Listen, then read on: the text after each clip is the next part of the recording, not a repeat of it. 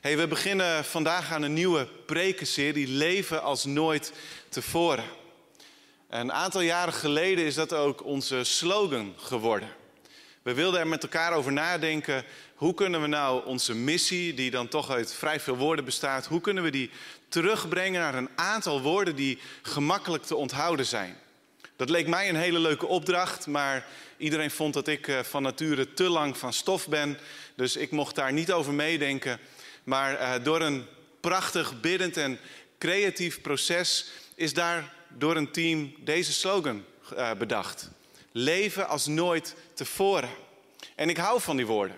Er zit zoveel in over ons leven met God en uh, met elkaar, over ons geloof. God wil ons leven geven.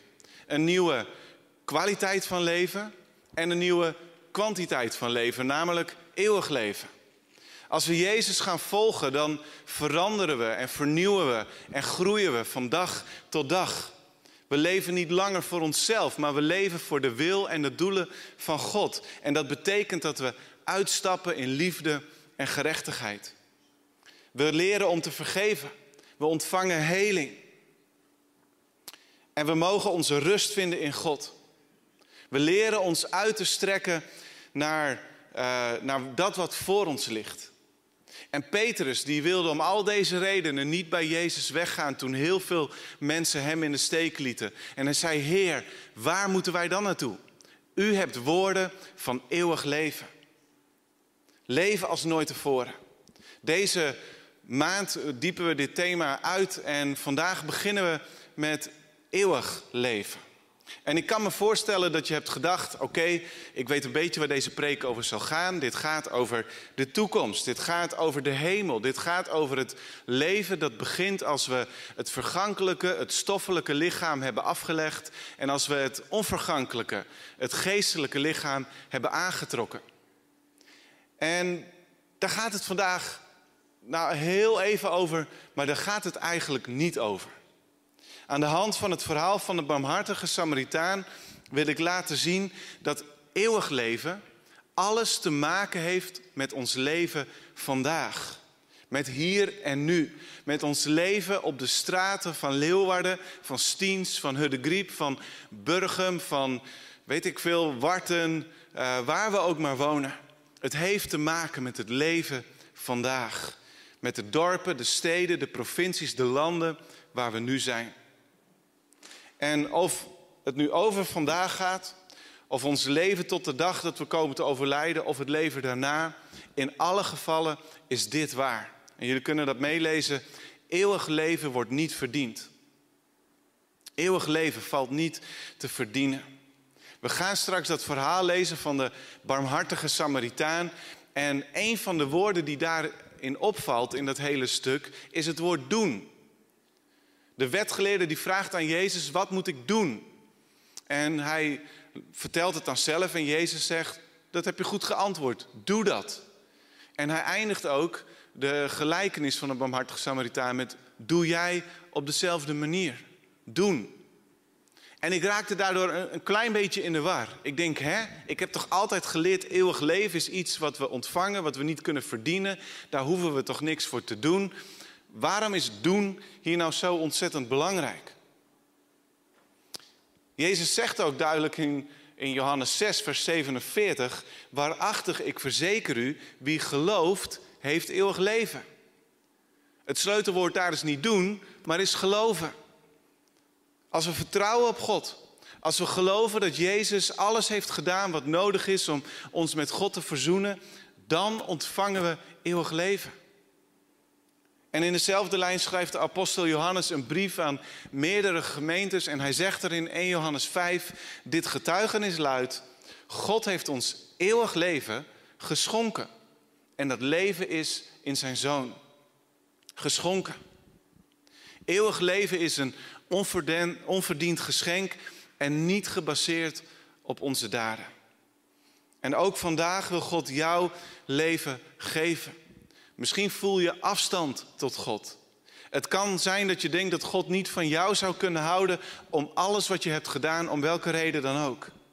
Maar wie je ook bent, waar je ook vandaan komt, wat je ook hebt gedaan, eeuwig leven is een geschenk, een cadeau. En God wil dat van harte geven vandaag aan jou. Maar waarom is doen dan zo belangrijk? Allereerst beantwoordt Jezus de vraag van een wetgeleerde die, die zijn hele leven, dag en soms nachts de wet heeft bestudeerd. En in theorie is het mogelijk om de wet perfect na te leven en daardoor als een rechtvaardige voor God te staan. Maar in de praktijk is het niemand gelukt behalve Jezus. Geen mens kan de volle gerechtigheid van de wet vervullen en alle geboden 100% navolgen. Niemand kan een perfect goede Samaritaan zijn. En de wetgeleerde wist dat, Jezus wist dat, dus dat kan niet het punt van het verhaal zijn. Maar doen is wel belangrijk. We kunnen niets doen om gered te worden. Maar geredde mensen laten dat wel zien in wat ze doen. Anders gezegd, we kunnen ons eeuwige leven niet verdienen, maar het volgende besef maakt duidelijk dat eeuwig leven wel komt met dienen. En dat besef is dit.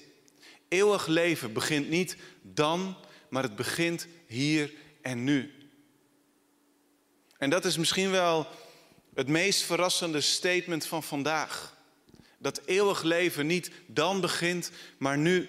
Eeuwig leven kleurt het dagelijkse leven. Eeuwig leven is eeuwig in ieder opzicht. Het gaat over de eeuw waarin we leven en het gaat over de eeuwen die komen. Laten we het begin van het verhaal van de barmhartige Samaritaan met elkaar gaan lezen. Lucas 10 vanaf vers 25. Er kwam een wetgeleerde om Jezus op de proef te stellen. Dat heeft nooit een positief doel. Hij vroeg, meester, wat moet ik doen om deel te krijgen aan het eeuwige leven? Jezus antwoordde, zoals een rabbi dat deed, met een tegenvraag. Wat staat er in de wet geschreven? Wat leest u daar? En de wetgeleerde die antwoordde hem: Heb de Heer uw God lief met heel uw hart en met heel uw ziel en met heel uw kracht en met heel uw verstand. En uw naaste als uzelf. En dan zegt Jezus: U hebt juist geantwoord. Doe dat en u zult leven. De vraag waar uiteindelijk het verhaal van de barmhartige Samaritaan het antwoord op is, is de vraag: hoe krijg ik eeuwig leven? En niet zo heel lang geleden las ik door Lucas 10 en toen viel me dat eigenlijk voor het eerst echt op. Dat dit de context is waarin dat verhaal wordt verteld. En ik denk dat de meesten van ons weten, context is essentieel. Wil je begrijpen wat je leest? Waarom beantwoordt Jezus de vraag over het eeuwige leven met een verhaal over een man in nood? Natuurlijk, via de kern van de wet uit Deuteronomium 6 en Leviticus 19, vers 18, heb God lief boven alles en je naaste als jezelf, komt eigenlijk die vraag, wie is mijn naaste? Maar het blijft opvallend. Blijkbaar gaat eeuwig leven niet alleen over dan en ver weg. Eeuwig leven heeft te maken met hoe we leven vandaag, met onze persoonlijke relatie met God en onze relatie en omgang met onze naasten. De profeet Hosea, die zei het al. Want ik vind vreugde in goede tierenheid en niet in offer. In kennis van God meer dan in brandoffers. En even daarover, um, over de bredere context. Na dit verhaal van de barmhartige Samaritaan komt het verhaal van Martha en Maria. Waarbij Maria ervoor kiest om aan de voeten van Jezus te zitten. En Jezus zegt, voor dit moment heeft Maria de juiste keuze gemaakt. Daar leren we iets over God liefhebben boven alles. Maar in het verhaal van de Samaritaan gaat het over je naaste liefhebben als jezelf. Sommige mensen raken zo gefocust op de toekomst dat het leven vandaag wordt vergeten of er niet meer zoveel toe doet. Paulus had er al mee te maken. Hij schreef in de tweede brief aan de Thessalonicense van jongens, hallo, uh, jullie moeten niet stoppen met werken. Jullie moeten niet je bezighouden met nutteloze dingen in het leven van elke dag. Want ja, Jezus komt terug, maar vandaag is belangrijk en vandaag moet je je verantwoordelijkheid nemen.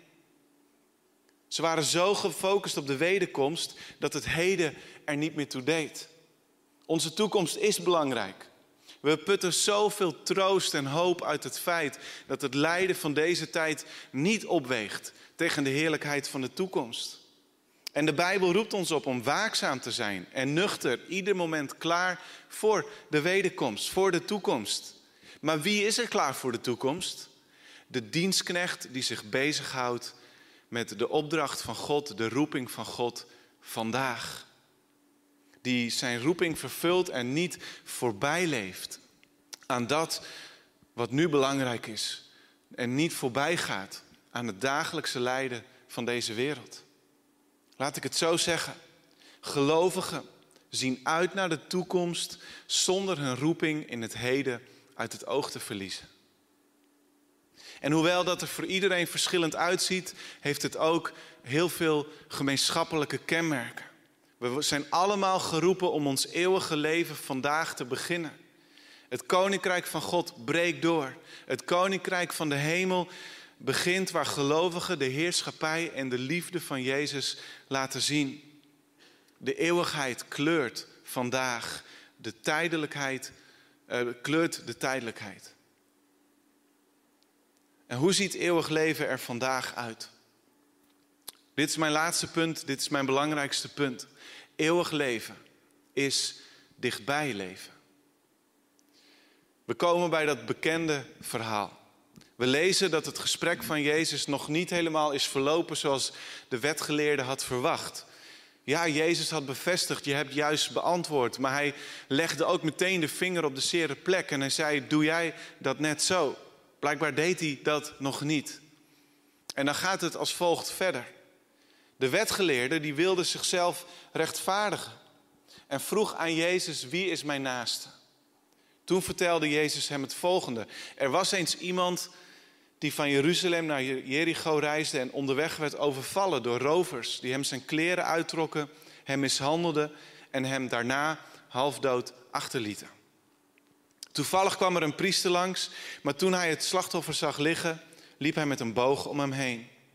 Er kwam ook een leviet langs, maar bij het zien van het slachtoffer liep ook hij met een boog om hem heen. Wie is mijn naaste?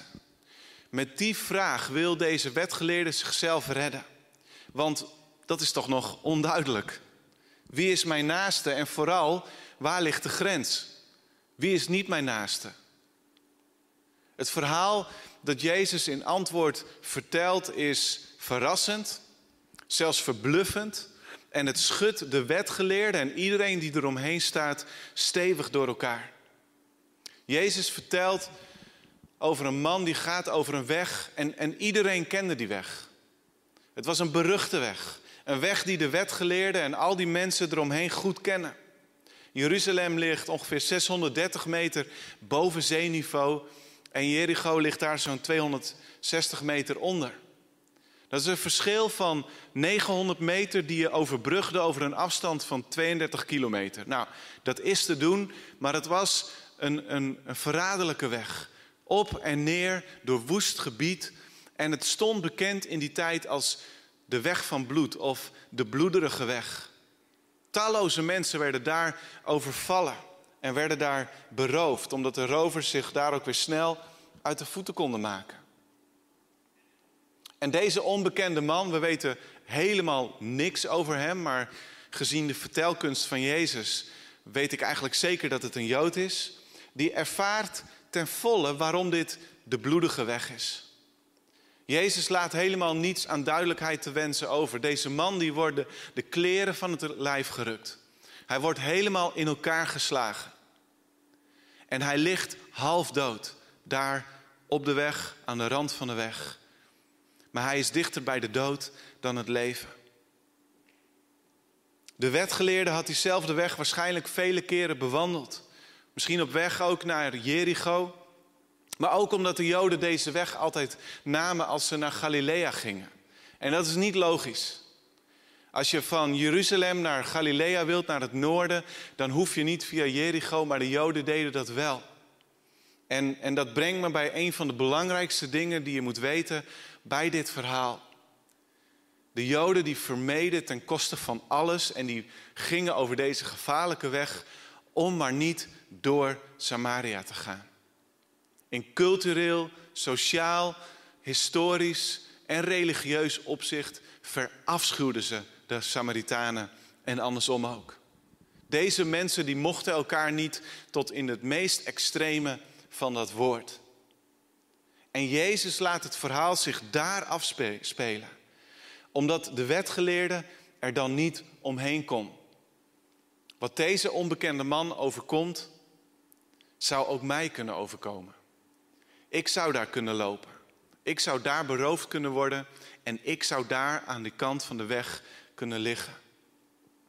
Jezus is een meesterverteller. En zoals hij de, de wetgeleerde meezuigt in dit verhaal en zich laat identificeren met het slachtoffer, zo wil Jezus dat wij ons ook inleven.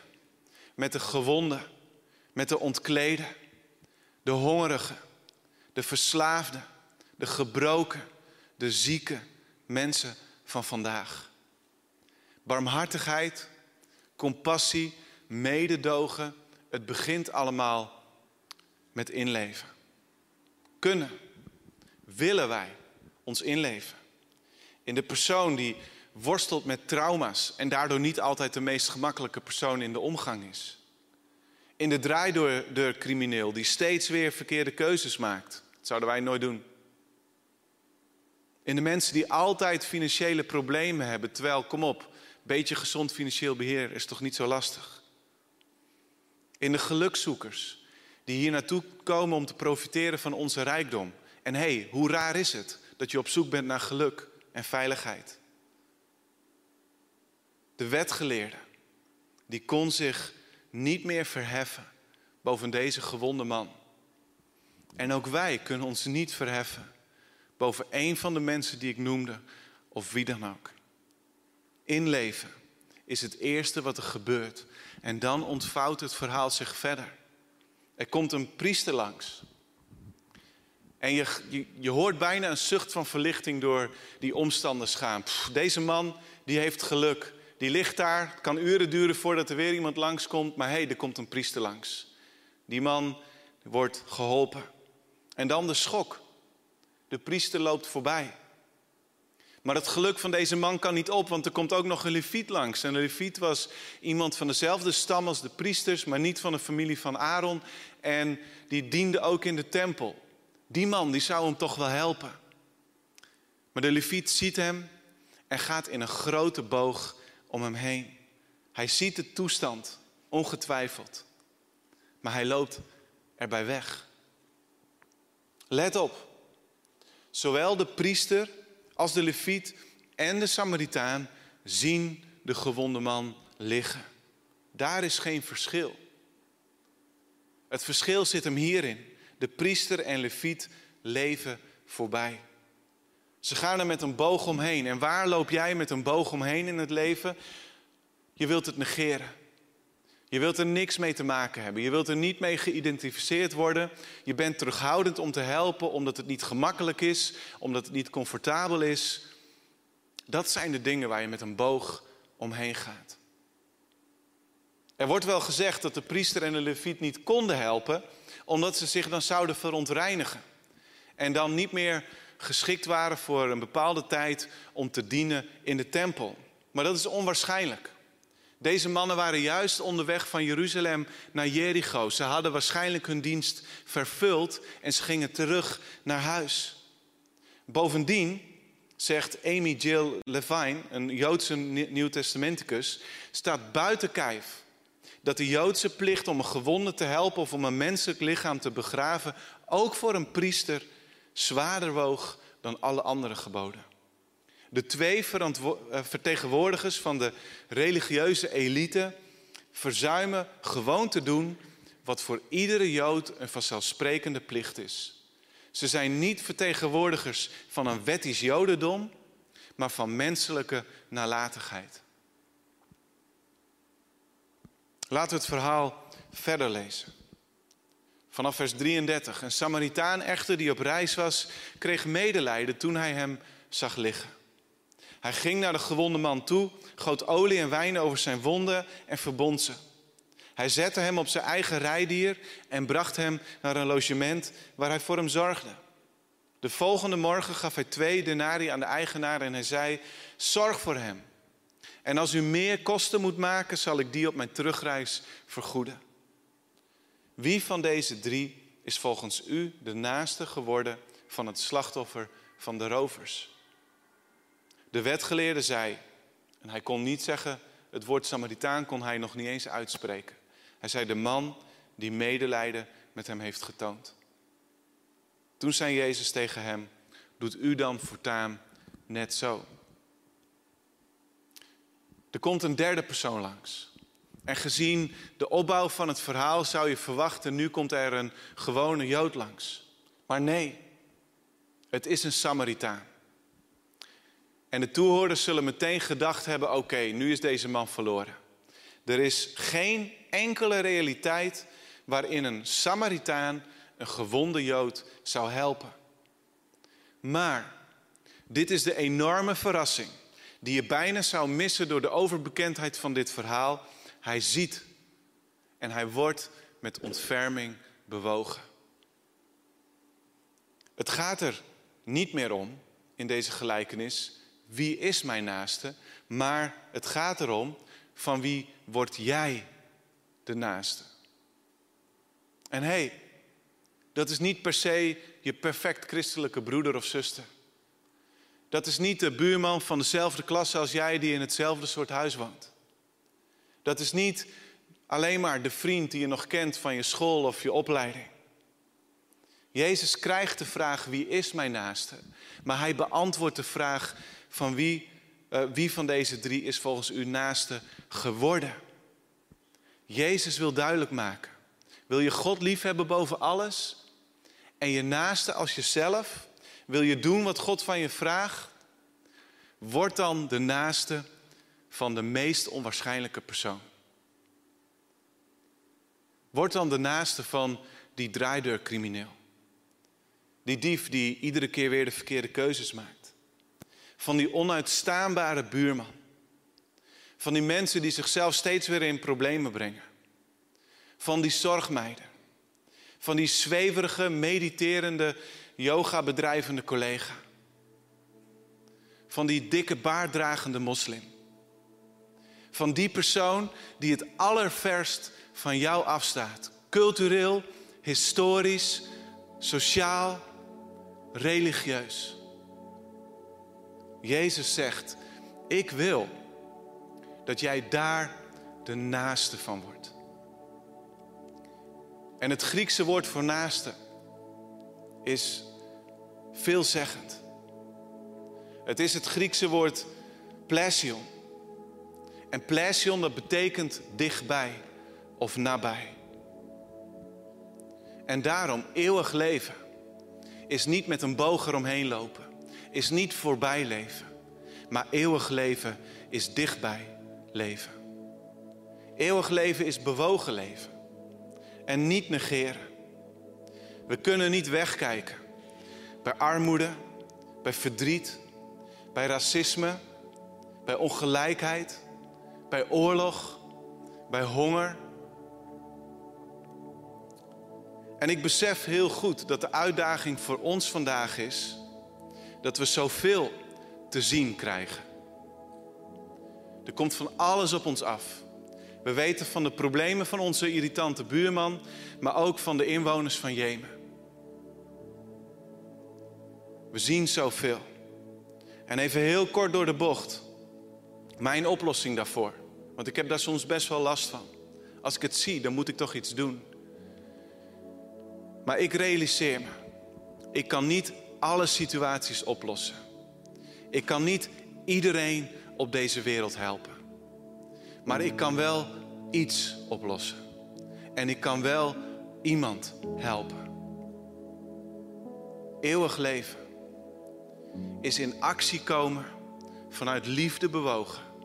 In de smerigheid en de gebrokenheid van dit bestaan. Het is vrijgevig leven. Zoals de Samaritaan. Let wel, twee denari, ongepland hey, het zat niet in zijn giftenpatroon.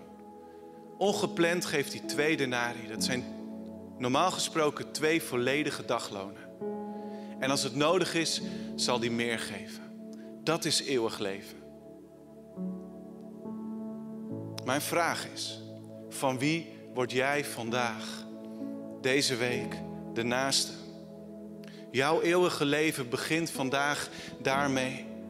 Niet voorbij leven, maar dichtbij en nabij leven.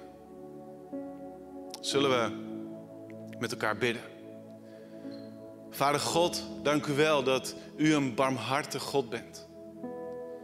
Heer, een woord wat in de Bijbel veelal voor u wordt gebruikt. En heel duidelijk maakt Jezus dat het ook onze roeping is. Om ons binnenste ja, niet onbewogen te laten. Om te voelen het lijden van de ander. Heer, om als we het zien, er niet voorbij te gaan. Het niet te negeren. God, en ik denk aan al die mensen vandaag die hun werk zijn verloren en die moeite hebben om de rekeningen te betalen. Ik denk aan de mensen die al jarenlang moeite hebben om hun kinderen te kleden. Mensen die niet iedere dag, zelfs niet iedere week, een warme maaltijd kunnen klaarmaken. Ik denk aan de mensen die zich ongelijk behandeld weten. Mogelijk onbedoeld, maar het gebeurt. In bedrijven in Friesland. Heer, ik bid dat we het niet zullen negeren. Ik bid dat we de zieken zullen zien. De persoon die ja, misschien wel een beetje lastig te hanteren is. Vanwege trauma's, vanwege de psychische situatie. Heer, maar ik bid dat we juist die persoon die het meest ver van ons afstaat, zullen gaan behandelen als ons naaste. Heer, dat wij de stap naar hen zullen zetten. Dat wij bewogen in actie zullen komen. Help ons daarbij, Heer. God, maak ons vrijgevig, gasvrij en barmhartig. En ik wil deze dag niet voorbij laten gaan. Om dit eeuwige leven, wat we vandaag leven, maar ook wat consequenties heeft voor de toekomst, om daar een keuze voor te maken. Als je meekijkt en je weet, ik ben ver van God afgedwaald. Ik heb hem jarenlang genegeerd. Ik heb hem niet lief gehad zoals ik zou willen en moeten. Misschien heb je nog nooit een keuze voor Hem gemaakt en Jezus nog niet gekend als degene die alles voor jou heeft gedaan. Jij hoeft het niet te verdienen, Jezus heeft dat gedaan, doordat Hij jou diende. Als je die keuze vandaag wil maken om je te verzoenen met God en met Jezus te leven en Hem aan te nemen als je redder en verlosser, steek dan even digitaal je hand op. Er komt een button nu in de chat. En laat ons even weten als je die allermooiste keuze maakt. Ik zegen jou in de machtige naam van Jezus. Amen.